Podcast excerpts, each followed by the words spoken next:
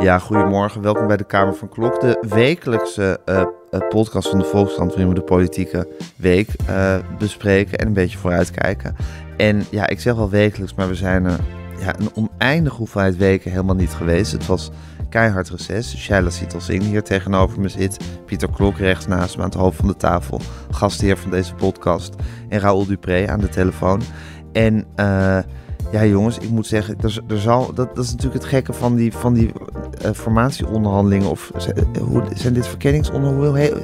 Dit, dit zijn nog niet formatieonderhandelingen. Formatie. Dit heet dit wel mm -hmm. formatie? Oké, dit heet wel formatie. Oké, de formatieonderhandelingen. Uh, dat, ja, er is niks over te zeggen, maar je wil er toch over praten. Dus ik heb jullie wel gemist. Was ja. dat wederzijds, jongens? Geheel. Ja? Ja, enorm. Ja, Ja. Raoul? Zeker. Ik weet niet zeker of ik heel erg veel behoefte had om over de formatie te praten, maar we gaan het toch proberen. Oh, en je hebt gewoon het, het wekelijkse samen zijn gemist. ja, Gewoon voor de gezelligheid, ja. Want dat is, dat is wel een beetje wat er aan de hand is, hè, Raoul. Dat je denkt, er, ge- er gebeurt van alles en we weten niks. Je wil het er toch over hebben, maar er is eigenlijk geen stof, toch? Dat is een beetje wel een adequate samenvatting van hoe, die, hoe deze tijd eh, is.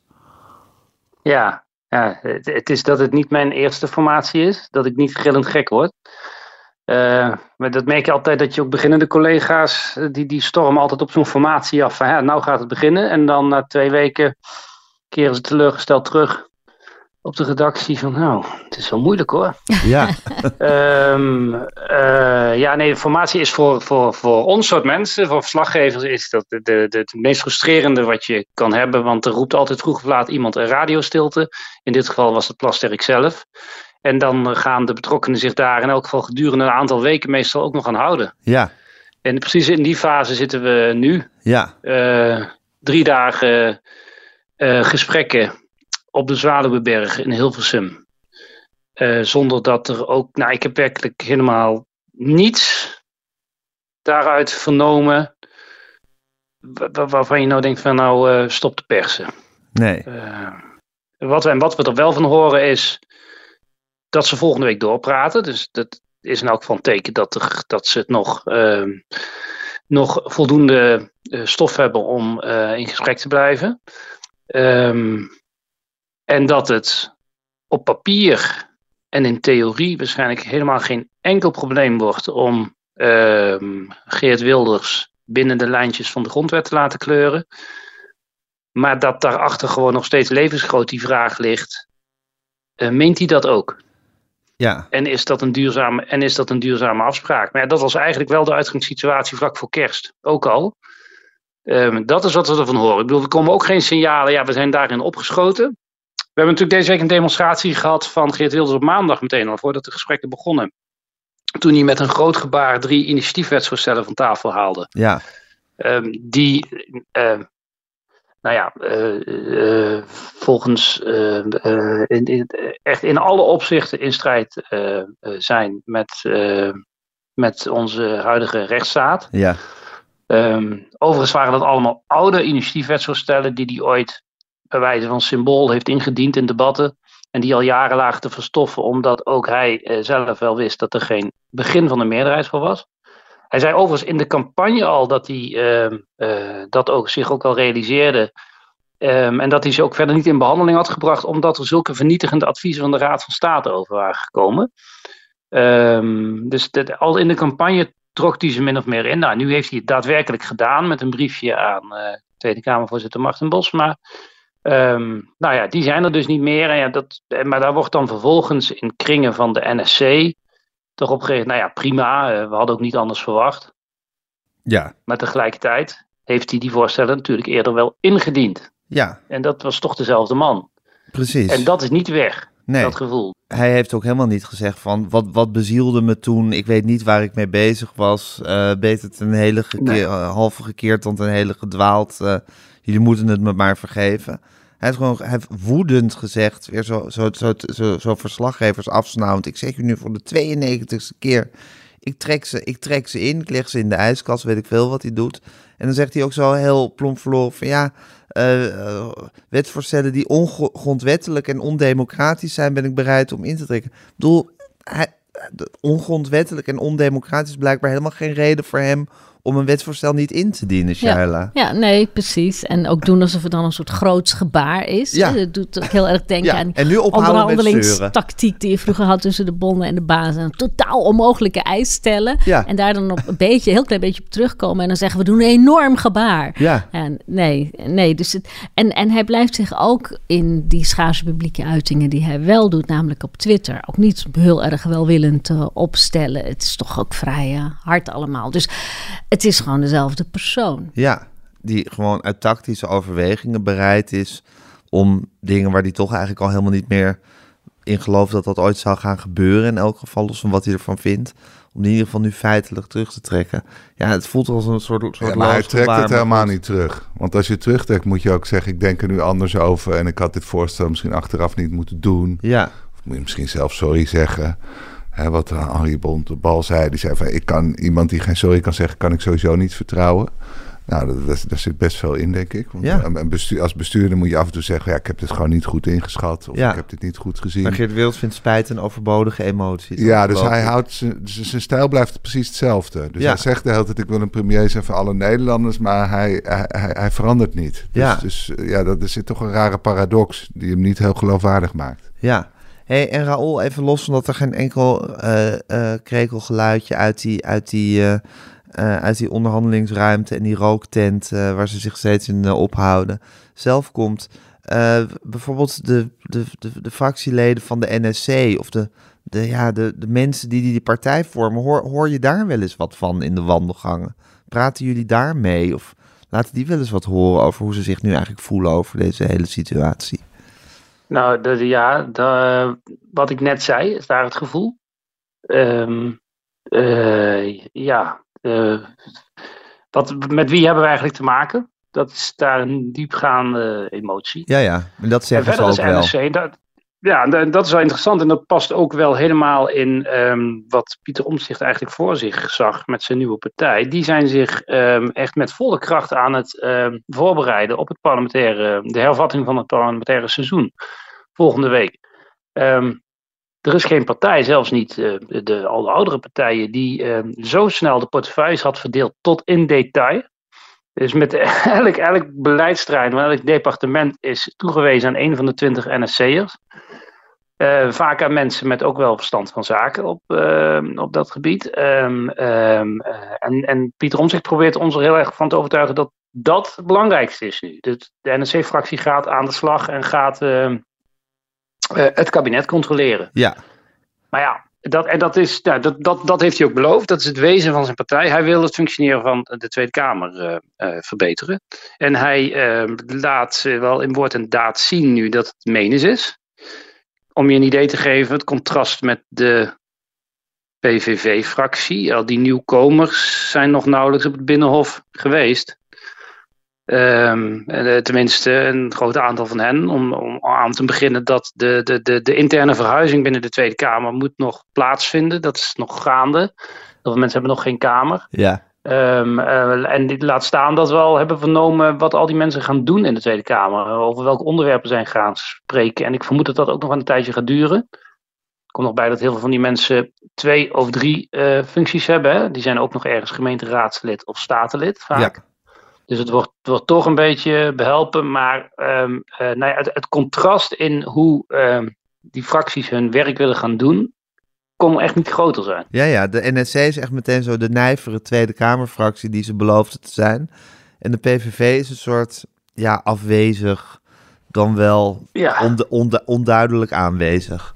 Het is ook ingewikkelder voor PVV-Kamerleden, denk ik. Kijk, NSC had een heel uitgebreid verkiezingsprogramma met eh, over allerlei onderwerpen was nagedacht. Dus als je een portefeuille krijgt, dan weet je, nou ja, ik kan elk van die passages in het verkiezingsprogramma gaan lezen en bedenken wat erachter ligt. De PVV heeft een heel dun verkiezingsprogramma. Die heeft over heel veel dingen ook helemaal geen uitgekristalliseerd idee. Dus als je daar met 37 mensen zit en Ja. je moet, weet ik veel, de visserij gaan doen, Ja, ehm, en de enige daar die zijn daarvoor helemaal geen zeggen... standpunten over. En de enige die het daarvoor te zeggen heeft, zit in een rooktent met Caroline van der Plas. Dus die is er ook niet om de boel, om de boel eh, te leiden. Ja, dus wat, wat, Ze vinden het een nep-parlement. Dus hoe moet je ook überhaupt inhoud geven aan een portefeuille? Ja, ja, Dat is ingewikkelder. ja. hey, en Shaila, als we het nou even psychologisch eh, benaderen, en Pieter. eh, hoe denken jullie dat, nou, Pieter Omzicht en alle, alle mini-Pieter Omzichts die hij onder zich heeft, hoe, hoe zou die nou, wat zou die nou, zou die een, een idee hebben wat hij precies aan het doen is en wat hij hier nou eigenlijk van vindt, echt ten diepste, Pieter? Nou, ik, ik, denk, ik denk dat er twee zielen in zijn borst eh, huizen. Een, eh, een proces, hij is aan de ene kant heel procesgedreven. Hè. Je moet netjes procedures doorlopen. En, en eh, hij, de partij is ook waardegedreven. En ik denk hij, hij zelf uiteindelijk ook. Hè, dat je belangrijke waarden belangrijk vindt in de samenleving. Ja, en als je waardegedreven bent, dan moet je eigenlijk meteen al zeggen... ik ga helemaal niks met die Wilders doen. Maar Ja. hij is ook procesgedreven. Hij vindt dat je netjes dat allemaal moet aflopen. eh, en, en om te zien wat eruit komt. Ja. En als die procedure deugt, dan deugt het eindresultaat ook. Ja. Dat is ook een beetje zijn manier van denken. En ik heb het gevoel dat hij daar niet helemaal uitkomt hoe, die, hoe die zich tot elkaar moeten verhouden. Ja. En de ene keer is hij weer procesgedreven.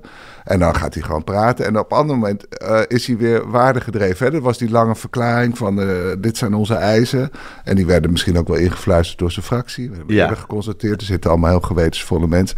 En dat zie je de hele tijd een beetje afwisselen. Ja, en dat ja. maakt het heel verwarrend, vind ik, om het goed te duiden wat hier nu Ik precies krijg gebeurt. op Twitter wel eens zo'n film. Want heel veel mensen krijgen heel veel drek op Twitter. Maar ik krijg eigenlijk altijd hele leuke filmpjes op Twitter. Dan krijg ik wel eens een filmpje van een hondje die tussen zijn twee baasjes eh, in staat, in Ja. zit. En dan rennen die baasjes op een teken allebei de andere kant op. En dat hondje blijft dan soort totaal verward zitten. Want hij wil eigenlijk met allebei meerennen. En hij weet Ja. niet wat hij doet. En dan blijft hij maar gewoon zitten. En, en dat hondje is dan En dat Pieter hondje is Pieter Omtzigt. En die baasjes ook? zijn waarde en proces, zou ik maar zeggen. Maar Ja. je ziet, eh, ja, eh, ik, ik, eh, Pieter Omtzigt zie je op meer terreinen een beetje in de knel komen. Want eh, mijn geliefde onderwerp pensioenstelsel, hè, Ja, daar, was ja, ik- ja. daar stond ik altijd aan de kant van Omtzigt. Ik was net zo kritisch als hij. Jullie houden er allebei evenveel van, van dit onderwerp, denk ik. Ja, maar- en, en evenveel van het oude stelsel. Ja, ja, en dus ja. niet zo van het nieuwe stelsel. Dus je kunt dan als nieuwe partij zeggen van nou, we gaan die stelselwijziging tegenhouden. Dat Ja. kun je zeggen. Maar dat doet hij niet. Hij gaat vervolgens een nog veel ingewikkelder oplossing bedenken. Van dan mag geloof ik eh, elk pensioenfonds mag zelf stemmen of ze mee willen naar het nieuwe stelsel. Ik geloof dat je als individu zelf mag kiezen. Ik blijf in het oude stelsel. Dat wordt een bureaucratische nachtmerrie. Dus wat zie je als iemand die gewend is eh, om controleur te zijn Ja. en om heel rechtvaardig te opereren. Ja. Als die beleid gaat maken, krijg je ook gedrochten. Ja. Want die wil beleid maken wat boven elke twijfel verheven is. Wat tegen elke aanval van Pieter Omtzigt bestand is. Waarin iedereen zijn zin krijgt Waarin eigenlijk. iedereen zijn zin krijgt. En dat werkt niet. Nee. Want beleid maken is soms ook dingen doen die niet voor iedereen even gunstig uitpakken. Die bij de een ietsje meer pijn doen, bij de ander.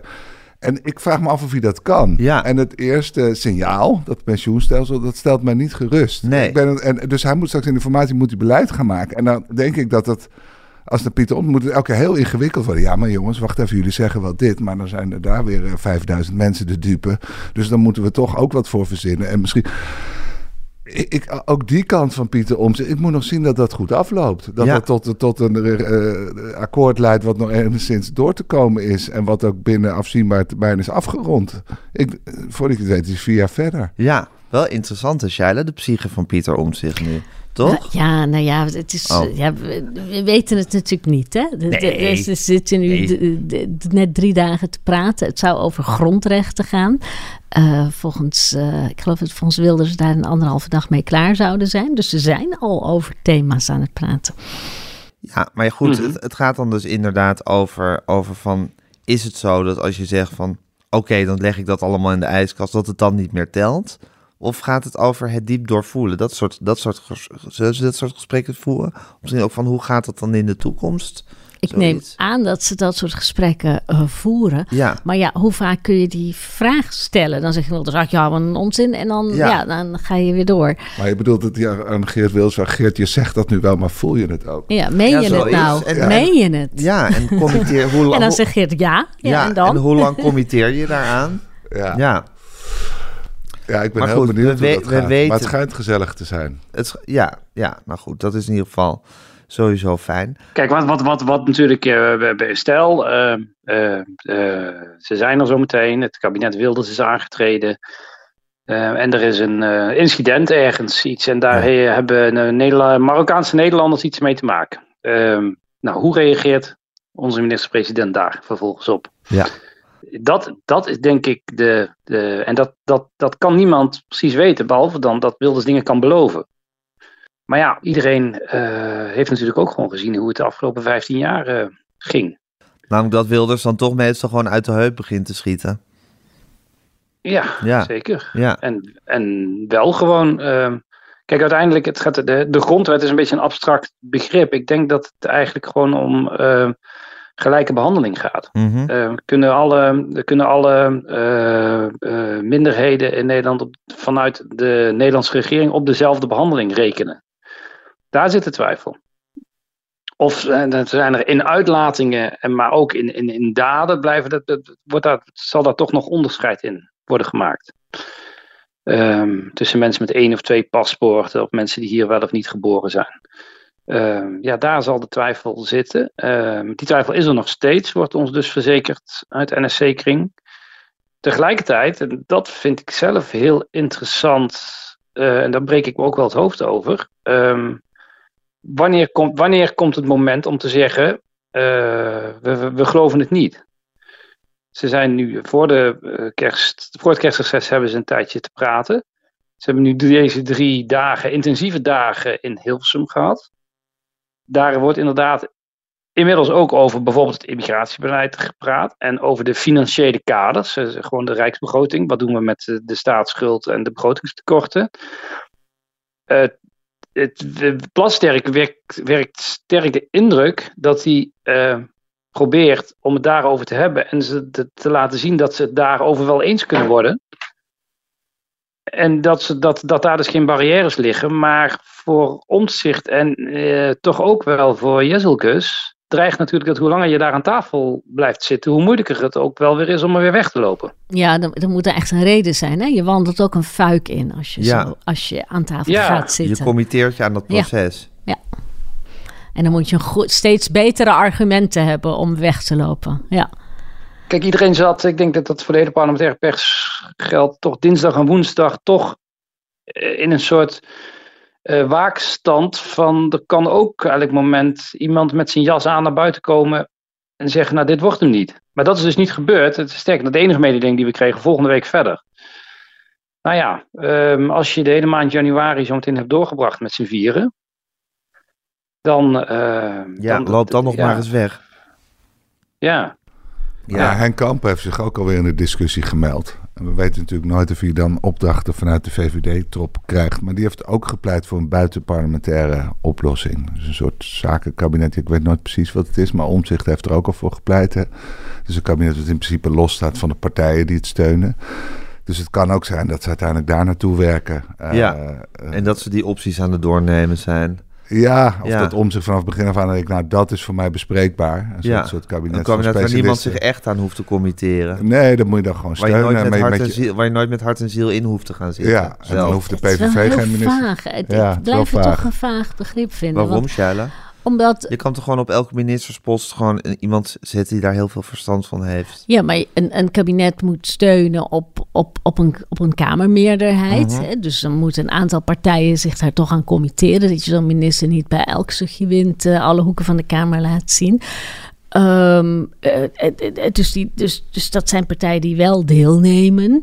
Um, hoe, hoe ziet dat er dan precies uit? Um, en ik kan me ook niet goed voorstellen dat je meedoet aan een kabinet waar je zelf geen mensen aan wil leveren. Weet je, dan, dan, zeker voor de VVD, dat is gewoon een bestuurderspartij. Die heeft een heleboel goede bestuurders staan opgelijnd. Ja, waarom zou je dan mensen van buiten gaan steunen of aantrekken. Het, is, het blijft een hele rare figuur. En wat je ook ziet bij mensen die je van buiten aantrekt, het blijven toch een soort passanten in de politiek. Hè. Het is natuurlijk vaker gebeurd. D66 heeft in de afgelopen. Ernst Kuipers gaan we het zo over hebben. Ja, exact. maar het leek me echt wel een bruggetje. Dit zijn mensen die zijn lid geworden van de partij zo ongeveer op de dag dat ze werden uh, geïnstalleerd. Ja.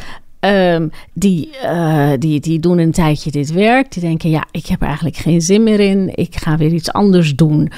Um, dat, is, dat is niet een manier waarop je een land kan besturen. Politiek is al, uh, um, ja, hoe zeg je dat? Fikkel, uh, grillig en, en, en vluchtig en... en Um, nou ja, je zou kunnen zeggen dat zijn mensen met allemaal heel veel kennis over het terrein waar ze, waar ze in zitten. Die kunnen onafhankelijk van allerlei partijpolitieke belangen en processen kunnen ze zo goed mogelijk zo'n ministerie besturen. Ja, maar daar geloof ik niet in. En dan, dan denk je in technocratie. Hè? Dan, dan, ja. dan haal je eigenlijk alle politiek uit, uh, uit besluitvorming. En dat is nou juist de grote kritiek die bijvoorbeeld in de Paarse op de politiek is geleverd, maar ook in de, de jaren en ook in de Rutte-jaren. Dat het een volledig technocratisch uh, aanpak wordt. En er bestaat niet zoiets als een oplossing die niet politiek is. Er zijn altijd belangen mee gemoeid en er zijn altijd belangenafwegingen die gemaakt moeten worden. En er is altijd een, een maatschappelijk belang. en die moeten altijd ideologisch gedreven zijn. Nou ja, dat moet afgewogen worden. Dat kun je niet op een technocratische manier doen. Dat merk je elke keer opnieuw als dat geprobeerd wordt, leidt dat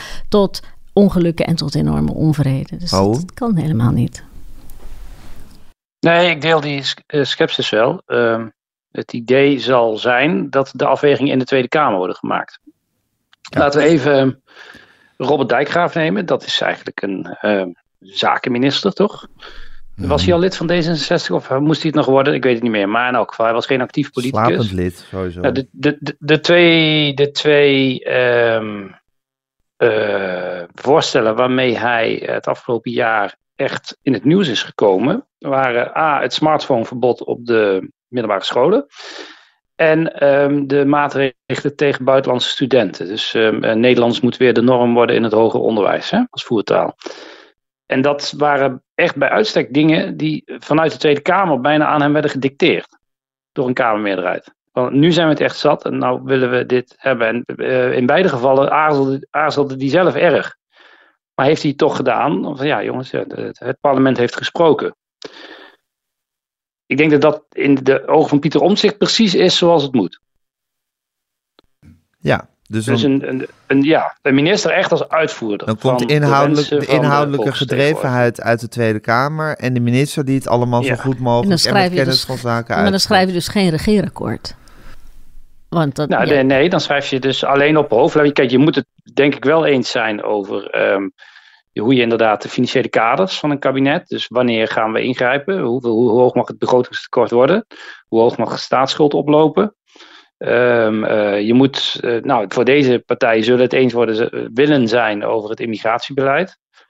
Uh, er zijn een aantal dingen met bestaanszekerheid. Ik bedoel, nou ja, denk aan het minimumloon, aan de verzekeringen, de, de, de arbeidsongeschiktheid en zo, waar ze het denk ik over eens zullen worden. Je kunt, je kunt jezelf enorm beperken natuurlijk in de dingen waar je dan wel in elk geval jezelf wil verzekeren van voldoende steun. Ja, en de rest kun je overlaten aan meerderheden in de Tweede Kamer.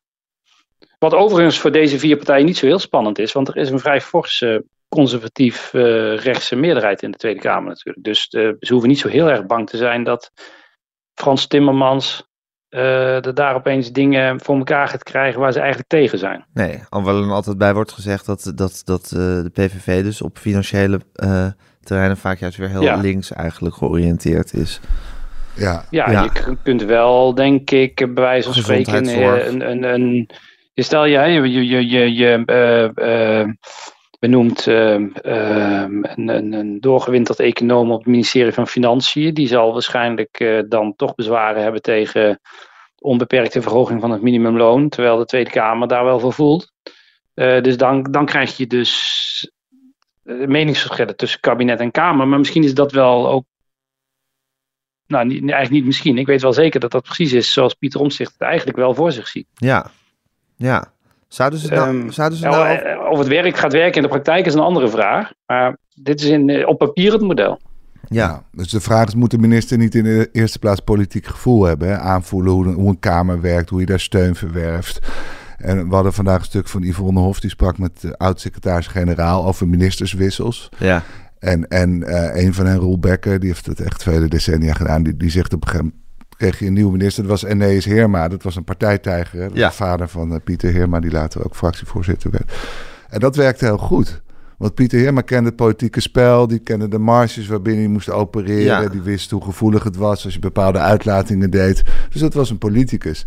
En zijn analyse was dat dat toch uiteindelijk het beste werkt. Als je daar gewoon als expert van buiten komt en, je hebt een hele andere Ja, en kennis zit wel bij het ambtelijke apparaat. Ja. Dus en, dan, en dan aan het hoofd moet je vooral iemand hebben die snapt hoe je met die kamer moet uh, Nee, dat idee kreeg ik wel. Dat, of dat is in ieder geval zoals we het altijd hebben gedaan. En ik denk dat het ook wel logisch is om het zo te doen. Maar dat is dan weer in tegenspraak met een zakenkabinet... met allemaal mensen die er verstand van hebben. En mensen van buiten. Dan moet je dus juist mensen hebben die weten hoe de hazen lopen de in een, in een Hilversumse villa zitten... en dat wij de mogelijkheden van het zakenkabinet aan nou ja, maar je zijn ziet, met elkaar. Je, je ziet nu dat eh, de, nu de passanten dan eh, we- weggaan. Hè? Laten we Kaag dan misschien ook maar zo noemen. Want die kwam ook eh, van buiten. Uiteindelijk dan zie je dat de partijtijgers het weer overnemen. hè. Steven van Weijenberg bij D66. die- Ja. Die, nu minister van Financiën wordt. En een oud partijvoorzitter, wiens naam even ontschoten is, wordt eh, staatssecretaris van Cultuur.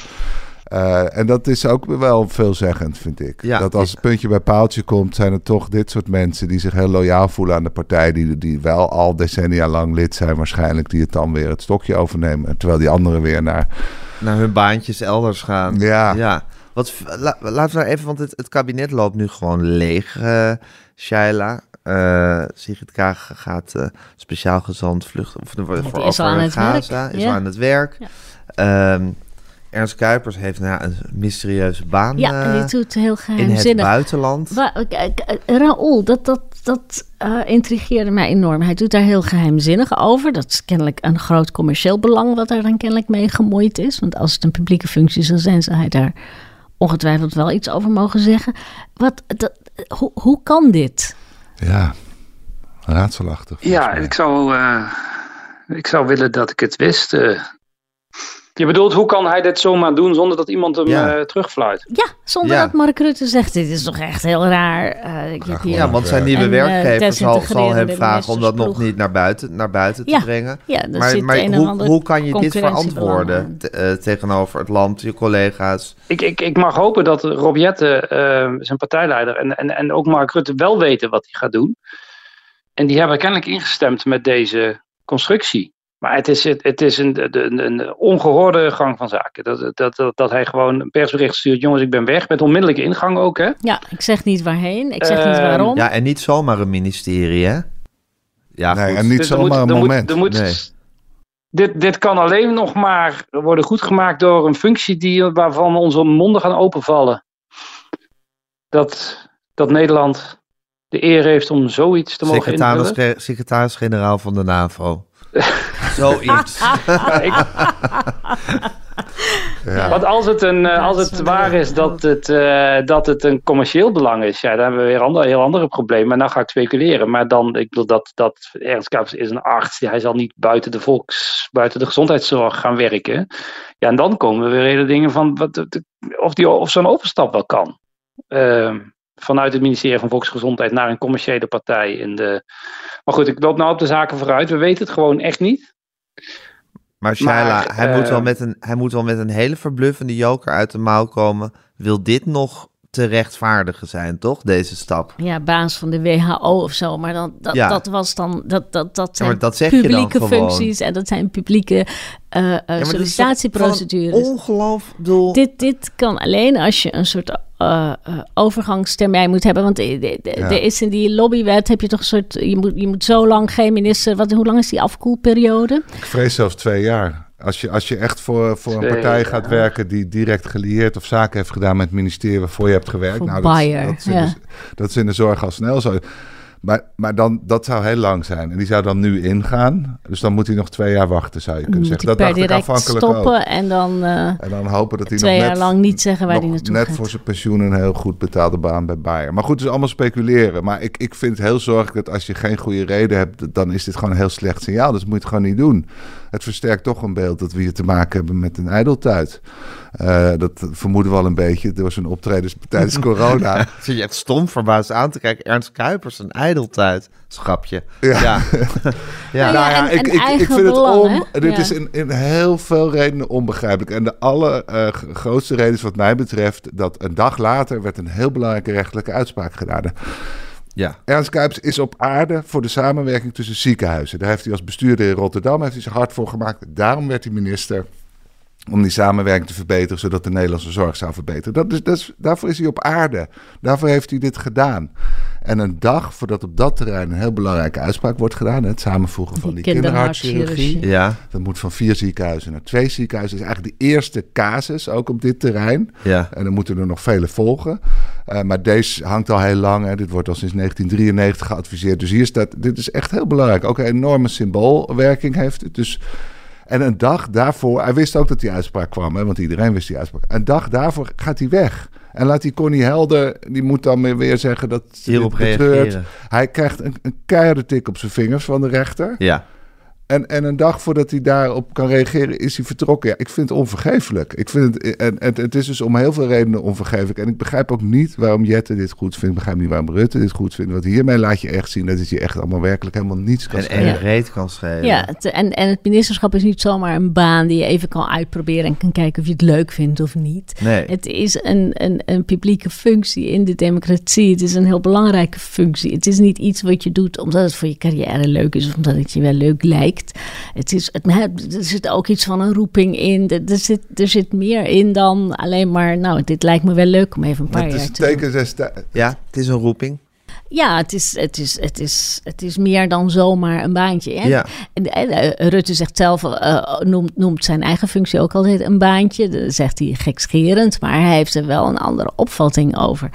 Ja. Eh, en dit is wel, ik, ik vind dit ook echt kwalijk. Van alle, Ja. van alle vertrekkers vind ik dit denk ik de Ja, want kwalijkste. Ja, want op- kijk- Uslu is, het ook- is natuurlijk ook vertrokken. Ja, die is naar het, het familiebedrijf teruggegaan. Vind ik ook een, een Niet geen valide reden. Nee. Nee. Kijk, de, de, degene die nog de, de beste reden had en de beste papier had om te vertrekken was Sigrid Kaag.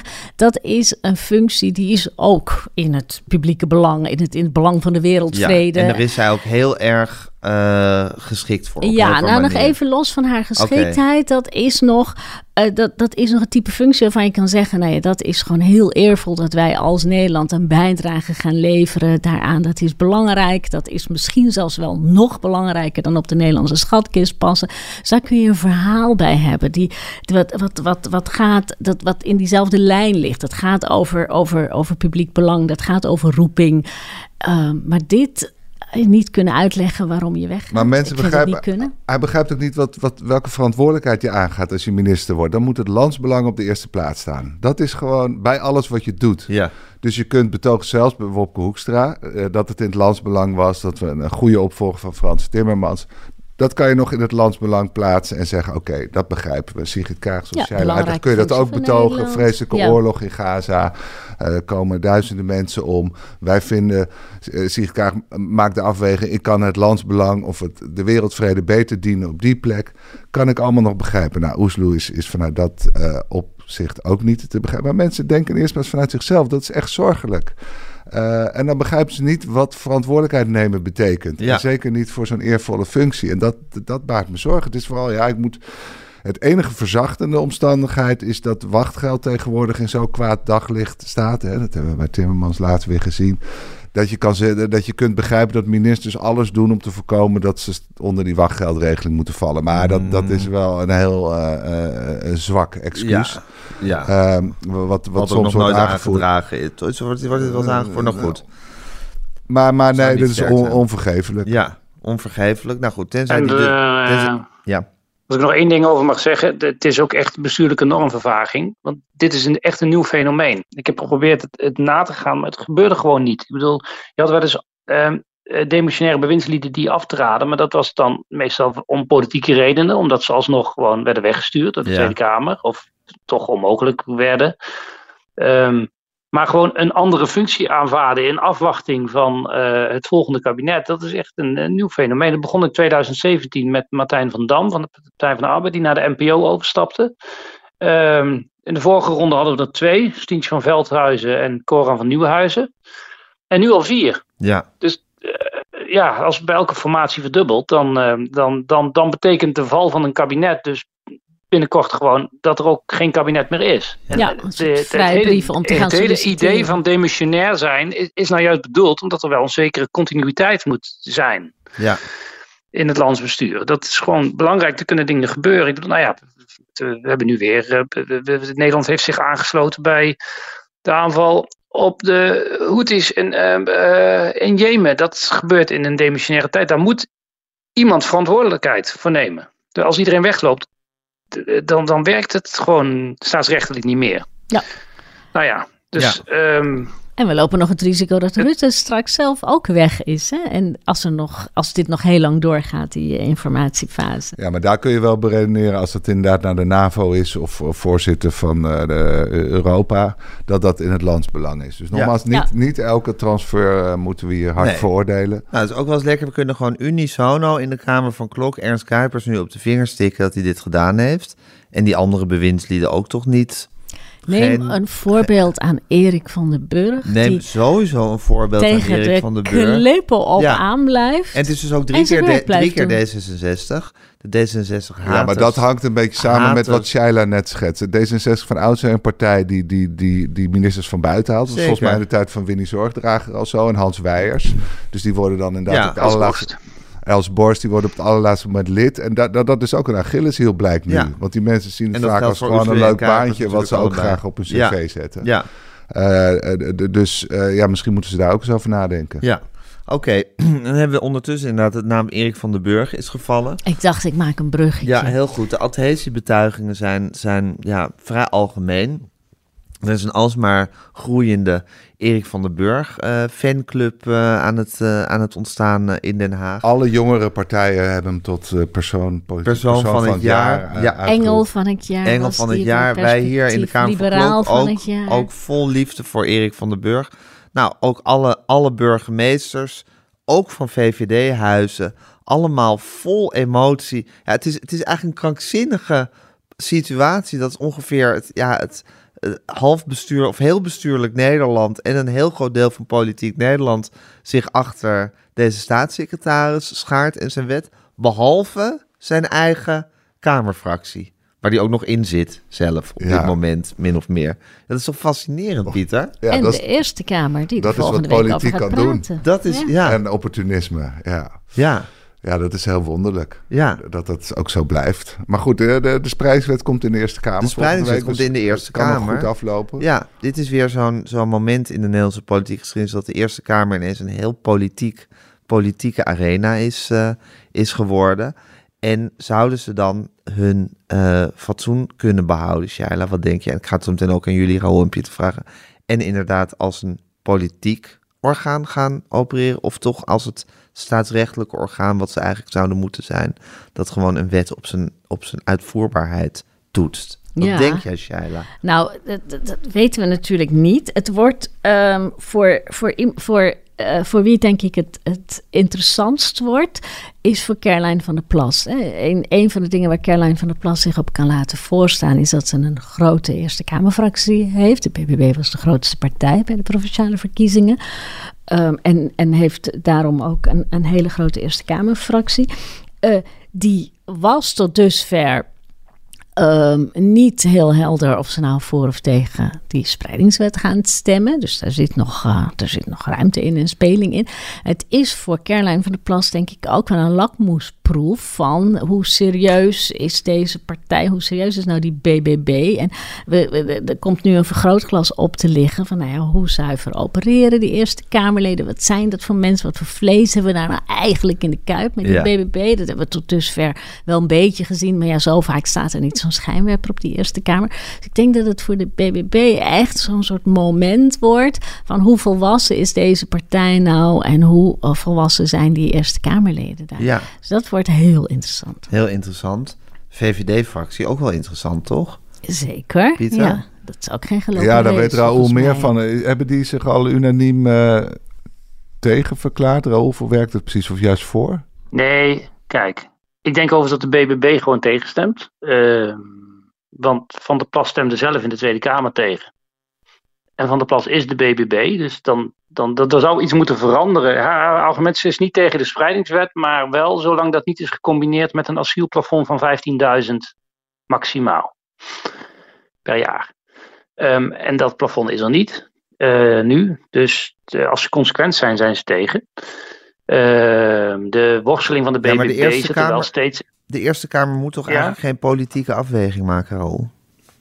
Nou, dat is, eh, dat, ehm, dat eh, is maar net aan wie je het vraagt. Mhm. Ehm, in de praktijk stemmen Eerste Kamerfracties doorgaans gewoon hetzelfde als Tweede Kamerfracties. En eh, ze wijken daar wel eens van af, maar ehm, daar is zelfs een wet over, de wet van noten, oud-senator van de PvdA, die dat een keer heeft uitgezocht. Eigenlijk vrijwel nooit als daarmee de doorslag geven in de stemming. Als het vrijblijvend is, willen partijen nog wel eens afwijken van de lijn van de, hun Tweede Kamerfracties. Maar als het erop aankomt, in vrijwel alle gevallen stemmen de Eerste Kamerfracties dan zoals de fracties in de Tweede Kamer. Um, dus, en als je dat patroon doortrekt en iedereen doet wat hij in de Tweede Kamer heeft gedaan, dan komt Erik van den Burg twee zetels tekort. Maar er zijn twee fracties in de Eerste Kamer die niet in de Tweede Kamer vertegenwoordigd zijn, namelijk 50 plus. En de provinciale fractie op NL. En die kunnen dus de doorslag geven. Um, ehm, 50 plus is Martin van Rooyen, de Nestor van het Binnenhof. Diep in de 80 geloof ik inmiddels. Um, en um, dan hebben we bij uh, OpNL, um, en dan moet ik weer even, uh, Auke heet die geloof ik, Auke van der Groot. Auke van OpNL. Auke van der Groot ja. van OpNL. Ja. die, uh, nou ja, die hebben, als iedereen gewoon stemt zoals je eigenlijk zou mogen verwachten, dan hebben zij de sleutel in handen. En wij weten niet wat zij gaan doen, want daar hebben we, wij hebben dat, en wij zijn ongetwijfeld niet de enige die daar deze week uh, poging hebben gedaan om daarachter te komen, maar dat, zij, zij zeggen dat niet nog.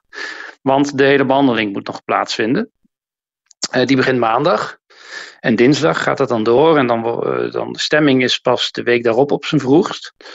Dus dat wordt een langdurig traject, waarin denk ik heel veel fracties nog heel moeilijk gaan kijken.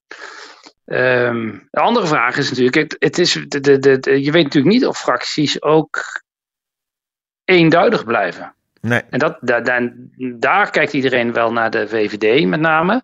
Kijk, in de schriftelijke voorbereiding van het debat zit weinig licht tussen de, het standpunt van de VVD-fractie in de Eerste Kamer en dat van Jezilkes.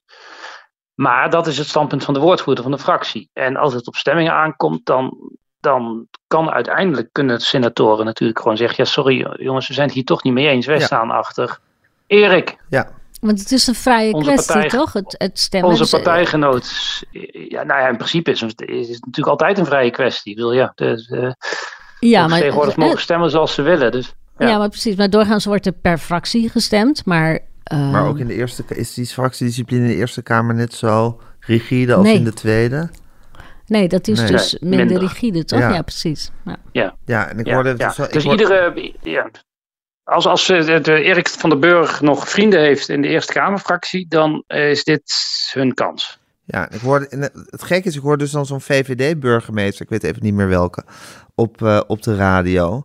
Ja, en die smeekte echt die Eerste Kamerfractie van jongens, hou je nou bij je taak uh, bekijk naar de uitvoerbaarheid. Wij, de burgemeesters, gaan over de uitvoerbaarheid, want wij moeten dat doen. En wij zeggen, deze wet is heel uitvoerbaar. Dus in godsnaam, stem nou voor die spreiding. het is toch heel apart dat er dan zo'n dat er een VVD-burgemeester de VVD-fractie in de Eerste Kamer smeekt om tegen de VVD-fractie in de Tweede Kamer uh, in te gaan. Ja. Zeker, ja. Maar er, zit, er zitten ook senatoren in de Eerste Kamer, VVD-senatoren, die Zeker. Uh, daar wordt, gevoelig voor zijn. Het wordt dus een, wordt, wordt dus een heel spannend uh, debat. Erik van den Burg gaat er met al zijn vuur en emoties een, uh, zijn, zijn wet verdedigen. En dan gaan we ook zien wie er op de thee zijn geweest bij Erik van den Burg de afgelopen weken. En ongetwijfeld uh, is hij, heeft hij heel veel kopjes koffie Heeft hij audiëntie gehouden. Ik neem aan van ja. ja. En dan krijgen we de nacht van Auken En overigens is het, als, het, als je zegt, als je zegt dat de Eerste Kamer moet alleen op de uitvoerbaarheid letten en ja. geen politieke beslissing nemen, kun je het overigens ook omdraaien natuurlijk. Want um, als de Eerste Kamer nu die wet goedkeurt, dan, kijk, in de Tweede Kamer, in de huidige Tweede Kamer is, is bij lange na geen meerderheid meer voor die wet. Dus dan zou, dat zou eigenlijk indruisen tegen de mening van de direct gekozen volksvertegenwoordiging. Dus het is allemaal maar net hoe je het bekijkt. Het is allemaal een beetje net zo lang als het breed is met deze kwestie. Het is wel, ja, er kunnen nog ja. vele promotieonderzoeken op deze wet en deze hele situatie uh, gemaakt kunnen gaan worden door alle politicologen in spe. Toch, Raoul? Het is wel een fascinerende, fascinerende kwestie. Ja, maar ja. Goed, heel bestuurlijk Nederland. Ik zag net toevallig ook nog uh, noodoproep van, van vluchtelingenwerk, uh, de nationale ombudsman. Iedereen heeft nog een brandbrief geschreven aan de Eerste Kamer. Keur die wet goed. Ombudsman, ook VVD. Uh, dus de, de druk neemt wel enorm toe. maar goed, ik denk dat we krijgen dus een heel interessant debat. Ik denk dat we de afloop pas bij de stemming gaan zien. Dus de, de, pas, pas op zijn vroegste week daarop. Ja, want wanneer het debat is dinsdag? Nou, maandag beginnen ze geloof ik nu officieel en dan dinsdag door. En dan, uh, ja, en dan weet je het ook nog niet. Dat kan ook, uh, het kan ook nog zijn dat er toch nog um, allerlei, dat Erik van den Burg allerlei toezeggingen moet doen. En daar zal hij dan mee terug moeten naar het kabinet. Um, en daar moet dan weer een antwoord op komen. Dus het kan ook nog een tijdje gaan duren. Maar die toezeggingen kan Erik van den Burg vrij snel doen, toch? Want dat, dat kabinet dat is inmiddels een beetje los zand. Dat zijn allemaal uh, interimmers en uitzendkrachten die zijn ingevlogen. Ja, maar, nee, ja, nee, maar dan wordt het heel ingewikkeld. Want zodra het kabinet uh, toezeggingen gaat doen aan de Eerste Kamer... gaat de Tweede Kamer daar ook iets van vinden. Ah. En, en daar moet hij natuurlijk wel... Uh, hij moet, nou weg, ja, stel dat, hij moet wegblijven van de Tweede Kamer. Ja. Ja. Ja, want anders gaat dat parlementair helemaal door elkaar lopen. Dus hij kan daar niet oneindig ver in gaan. Um, maar goed, we gaan het zien. De, de, alleen al de schriftelijke voorbereiding van de wet was zeer uitvoerig. Dus de Eerste Kamer heeft er zin in. Ja. Dus dat worden wel interessante dagen. En de radeloos in ter, radeloosheid in Ter Apel neemt toe. Dat is het hele tragische van deze, ja. van deze hele situatie. Het gaat, het gaat wel gewoon om, uh, A, om mensen, vluchtelingen die daar zitten. En om een, een gemeente uh, in Drenthe die gewoon uh, geofferd wordt aan deze hele situatie. Ja. Toch? Ja, en ja. Nog steeds onbegrijpelijk. Want er is ja. echt niks mis mee de lasten nee. een beetje verdelen. Nee. Uh, de staatscommissie uh, Bevolkingsgroei presenteert deze week uh, zijn rapport. Volgende week. Volgende ja. week. Ja, is dat, is, dat, is dat een groot politiek... Wat, wat is dat voor een commissie, Shaila? Weet jij dat? Um, de, de, de, Raoul weet precies de samenstelling van die commissie. Nou, maar die is ooit ingesteld ja? om, om iets te vertellen nou, over hoe is, Nederland eruit gaat zien in dit 2050. Is, moeten we toch wel over Paul Scheffer hebben. Die in 2000 een stuk het multiculturele drama schreef. Waarin hij voor het eerst... Ja, is er ooit een stuk in een krant verschenen dat zo'n soort landmark is geweest? Niet vaak, Ik kan hè, me niet ik. herinneren. Maar nee. voor hemzelf is het overigens wel een trauma. Hè, want hij werd door een deel van Nederland toch als een soort uh, racist uh, gezien uh, op dat moment. Dus het was niet leuk. Uh, nu loopt hij al jaren rond met het onderwerp bevolkingsgroei. En, en dat Nederland daar veel bewuster over na moet denken. Van hoeveel mensen heb je op termijn en wat betekent dat voor de voorzieningen? Hoeveel huizen moet je bouwen? Hij vindt dat je dat niet uh, maar aan de vrije markt over moet laten of, of gewoon moet laten gebeuren. Uh, maar dat je dat, nou ja, dat, dat dat eigenlijk leidend moet zijn bij alles wat je doet in de politiek. Nou, heel valide verhaal, maar er ligt natuurlijk altijd meteen ook op de loer van uh, Scheffer pleit voor geboortebeperking of minder migratie.